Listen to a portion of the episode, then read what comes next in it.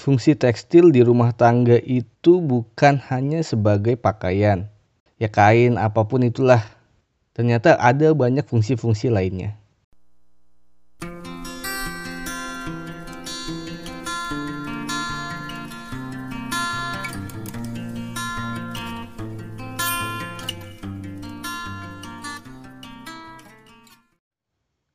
Misalnya aja kaos partai yang lu dapat waktu kampanye kalau udah belel dijadiin lap sama emak lu. Terus juga sempak bekas yang udah kendor dijadiin buat ngelap motor sama bokap lu. Pernah juga suatu kejadian waktu gua kuliah dulu, gua punya teman kuliah, dia ngekos, dia sakit panas. Ngompres kepala panas itu biasanya kan pakai anduk kecil ya tapi karena di kosan nggak ada dia pakai sempak. Yang masih dipakai buat ngompres palanya yang panas.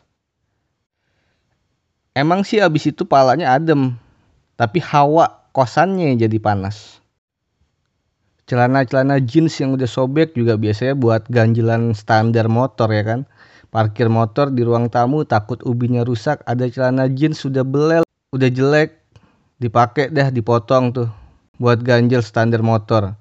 Biasanya berpasangan dengan undangan nikahan bekas tuh supaya lebih tebel. Biasanya juga spray-spray yang udah nggak kepake, kain-kain yang udah nggak kepake kan ditumpuk di dalam kardus. Nah, kadang-kadang juga dimanfaatin sama kucing liar buat beranakin anaknya. Tahu-tahu tumpukan kardus yang isinya kain udah jadi rumah sakit bersalin untuk kucing. Terkadang spray-spray bekas juga dimanfaatin sama mak kita buat jadi gorden atau tutup-tutupan buat bupet biar isinya kagak kelihatan berantakan. Ya emang tuh kadang-kadang tuh mak kita pakai gor apa pakai spray-spray bekas juga tuh kadang-kadang buat jadiin gorden-gorden gitu buat nutup-nutupin kaca aja sekedar biar nggak silo. Anduk yang udah nggak kepake juga nggak lewat dari sasaran mak kita buat dimanfaatin kadang-kadang anduk yang udah bekas itu digunting-guntingin. Bakal keset abis kamar mandi biar kagak becek kakinya. Potongan yang sebagiannya lagi biasanya buat ngangkat panci biar nggak panas gitu dipegangnya. Kadang-kadang pegangan panci juga bukan cuma dari anduk bekas tapi bisa juga dari sempak bekas. Itu gue pakai loh sempak bekas buat ngangkat panci.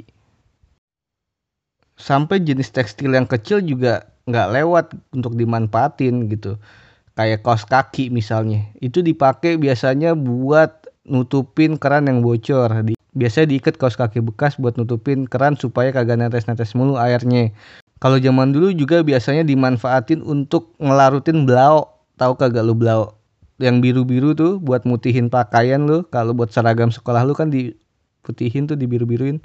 Pakai blau tuh namanya tuh. Nah bentuknya kan kotak padat. Dilarutinnya pakai kaos kaki sebagai saringannya tuh. Jadi kaos kaki lu yang bekas sudah pada biru-biru nah udah dah dipakai buat belau sama mak lu.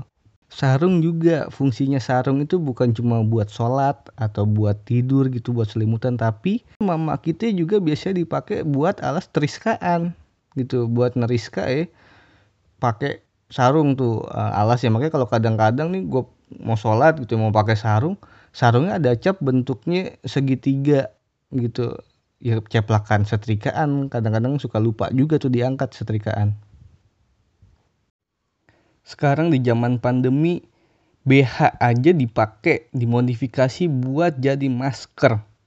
BH kan gunanya untuk nahan tete tapi ini digunakan untuk nahan virus. Ya memang begitulah. Segala macam tekstil bisa dimanfaatkan tidak hanya sesuai dengan fungsinya tapi juga bisa dimanfaatkan untuk kegunaan lainnya, sekreativitas mungkin. Dan terakhir pesan gue, jangan pernah sekali-sekali minta gula pasir sama tetangga, wadahnya BH. Karena itu cuma ada di film Warkop.